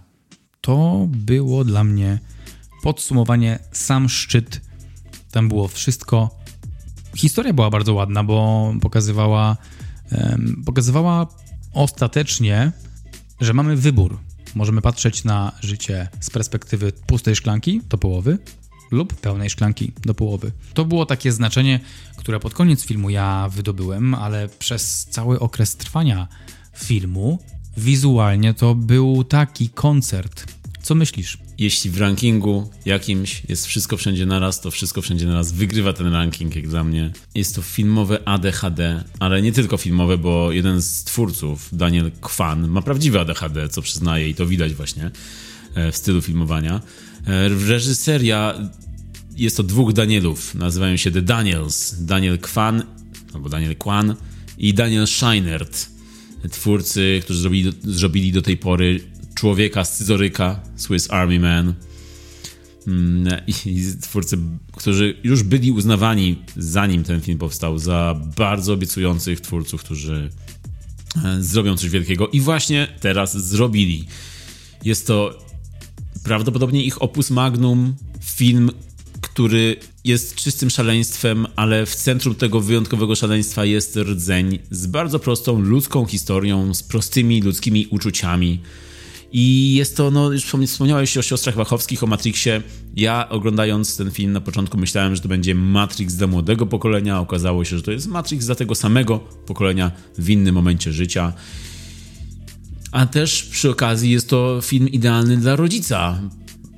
Jeden z reżyserów jest rodzicem, co czuć od razu, i ja jako rodzic po prostu wypełnił ten film całe moje serce. Jest to miłość kontra nihilizm, kontra cynizm. Wierzysz w nic, nic cię zje, pączek wszystkiego, choose life. Rzucam teraz tekstami po prostu i pojęciami. Film, który wygląda jak film familijny, mówi o rzeczach, o których mówi film familijny, ale gdyby to był taki film familijny, to byśmy żygali. A tutaj siłą jest szczerość, siłą jest e, ta moc i energia i frenetyczna wręcz, wręcz energia, wielopoziomowość fabuły i wykonania. No po prostu brak słów, żeby opisać geniusz. Chyba musimy po prostu jakieś wymyślić słowo. Tak jak e, The Daniels właśnie wymyślili język kina trochę na nowo. Kiedy już myślisz, oglądając ten film, że dostajesz ostateczną mądrość, po którą przyszedłeś, to oni dają ci więcej, jeszcze więcej, jeszcze więcej i piętrzą te całe znaczenia i całą fabułę. No, jak dla mnie jest to arcydzieło, naprawdę, jeśli chodzi o ten rok i w ogóle wiele, wiele lat ostatnich. Chyba najlepszy film od czasów Matrixa, a być może nawet najlepszy sequel Matrixa, który nie jest sequelem Matrixa. Nadchodzi sezon nagród na czele z Oscarami i ja mam nadzieję, że wszystko wszędzie naraz zgarnie te najważniejsze nagrody. Ja bym mu właśnie dał wszystkie e, dostępne Oscary. Po prostu jest to film, który sprawia, że wychodzisz szczęśliwy z kina, doceniasz rodzinę, doceniasz wszystko i wszędzie. Także nasze pierwsze miejsce wspólne, najlepszy film 2022 roku. Jest to wszystko wszędzie naraz. Oprócz naszego top 10 mamy dla Was honorowe wzmianki, wyróżnienia, które nie dostały się do naszego top 10, ale zasługują na to, żebyście je znali. U mnie to Stats, Dzika Noc, Men i Silent Twins. Mm. Znalazły się w worku filmów, które mi się podobały również w tym roku. Stats, mówię tutaj o mm, debiucie Johna Hilla, filmie dokumentalnym właściwie z jego terapeutą i ich podróży Dzika Noc, film świąteczny. Od tej pory jedyny prawilny film świąteczny z Davidem Harborem. Men, thriller, horror, z Rorym Kinnearem i Jesse Buckley. To był taki horror tego właśnie roku, który też mi się podobał. Także polecam, polecam. Ja w ogóle dziewiątkę dałem temu filmowi, także mm, bardzo wysoko. I Silent Twins, reżyseria Agnieszki Smoczyńskiej, oglądany podczas festiwalu Kamera Akcja i polecany przeze mnie Marka Szczepańskiego. Film co prawda nie tworzy jakiejś głębokiej więzi z widzem, ale jego siłą jest wielogatunkowość i swobodne przechodzenie między gatunkami po to, aby opowiedzieć historię dwóch milczących bliźniaczek. Marku, to były bardzo dobre wyróżnienia. Natomiast u mnie na liście filmów, które nie weszły w top 10, ale chciałbym, żeby, żeby jednak e, były tutaj wymienione, bo zapamiętałem je z tego czy innego względu, to jest alfabetycznie. Ambulance, czyli nowy film Michaela Beya. Film, który mnie zaskoczył, e, bo te beizmy są tutaj robione dla tej dobrej strony mocy. No i jest to film, który jest dumnym posiadaczem najbardziej szalonej kamery chyba w historii kina i serio powinien dostać chyba Oscara za zdjęcia, że dajcie temu Bejowi jakiegoś Oscara. E, zwłaszcza jeśli żadnej kamery nie zniszczy, bo to coś tam dzieje, to po prostu jest szaleństwo e, wizualne. Intensywne, odjechane kino akcji. E, no i też połączenie z dramatem, z konkretnymi stawkami, postaciami, zagrane bardzo dobrze przez Jake'a Gyllenhaala Jaja Abdullah Matina. Znowu wracamy do tematu Jaja Abdullah Matina. Znowu to nie brzmi tak, jak powinno. No tak, no ale i jeszcze jest tam Eiza Gonzalez, e, aktorka, bardzo ładna swoją drogą, która w, w jakimś innym, wcześniejszym filmie Michaela Beya byłaby seksualizowana, a tutaj chyba po raz pierwszy w swojej karierze e, i po raz pierwszy u Beya ma jakąś taką nieseksualizowaną rolę, ale e, prawdziwą z krwi i kości kobietę, e, pielęgniarkę, która jest za, zamknięta w ambulansie z dwoma przestępcami i muszą przejechać przez miasto, jak w Grand Theft Auto dosłownie. No, no jest to, jest to naprawdę duże zaskoczenie dla mnie i bardzo dobry film rozrywkowy, film akcji z, z, z, połączony z dramatem. Dalej alfabetycznie jest Barbarzyńcy, horror, Barbarian w oryginale, horror, który wszedł na Disney+, Plus, zaskakująco jak na tę platformę, a jest to świeży kawał horroru, pełen twistów, pełen wycieczek ciemny, ciemnymi korytarzami pod domem, yy, świetnie zainscenizowane, nawet jeśli są to znajome motywy, no to są poprzestawione w taki sposób, że ten film potrafi zaskoczyć, ale też potrafi przestraszyć. Polecam, bo jest to bardzo, bardzo fajna horrorowa jazda. Dalej, też na by, Batman, który już padł w twojej liście. Batman jest bardzo dobrym filmem superhero z zarąbistym początkiem i bardzo fajnym klimatem. Być może troszkę jest za długi ten film jak dla mnie, ale świetnie zinscenizowany, świetnie zagrany. No i takiego Batmana myślę, że chcę więcej. Nie tylko Pattinsona, ale w reżyserii Matta Reevesa. Czyli połączenie noir, połączenie kina detektywistycznego i takiego e, bohatera, który jest bliżej e, rzeczywistości. Dalej są, jest film Goście, Speak No Evil, Film trochę thriller horror, trochę home invasion odwrócone. Mm, film bezwzględny, bezlitosny, zimny jak fiordy. Jeden z najmocniejszych filmów tego roku minionego. No i dalej jest też a propos mocnego kina film Men, o którym wspomniałeś, Alexa Garlanda. I też jeszcze jeden mocny, czyli Niewiniątka, film e, traktujący trochę inaczej kino superbohaterskie, który z dramatu zmienia się w jeden z najmocniejszych też horrorów właśnie, niespodziewanie. Mm, I jeszcze ostatni na mojej liście jest Słabsze ogniwo, inaczej Dziura w płocie, film Joaquina del Paso, o którym już mówiliśmy kiedyś i nagraliśmy wywiad z twórcami z, z, Joaquin, z Joaquinem del Paso i Jaskiem Poniedziałkiem. Bardzo dobry film z bardzo dobrą muzyką i klimatem. Polecam te wszystkie powyższe. Dotrwaliście, czy nie dotrwaliście? Jesteśmy tutaj po dwudziestu kilku filmach w naszej topce. Jeśli dotrwaliście do tego momentu, medale. Złote medale dla was. Jeśli nie dotrwaliście, złote medale dla nas. Bo my dotrwaliśmy. Także Marku, kończmy już to. Sędzia, już kończ ten mecz. Kończ pan ten mecz.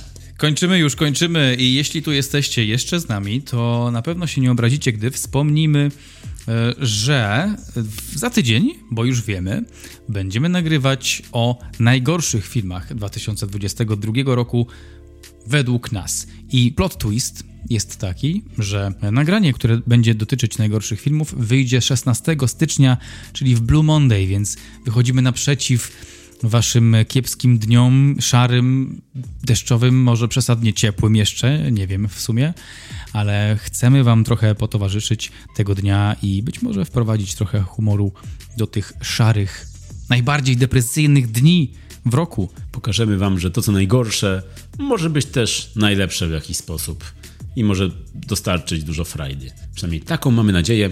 A na dzisiaj już kończymy. Dzięki za uwagę, dzięki za słuchanie. Zapraszamy jeszcze raz na E, siódmą komnatę w kinie Charlie 13 stycznia w piątek o 20 e, z naszym występem. Miłego tygodnia. Bardzo dziękujemy za spotkanie. Fantastyczne, towarzyskie spotkanie. Wiele niespodzianek, wiele stałych momentów gry. Kłaniają się Michał Miller i Marek Szczepański. Nasi przegrali jak zawsze, ale bądźmy dobrej myśli. Następnym razem będzie lepiej. Do zobaczenia, usłyszenia w następnym. Cześć!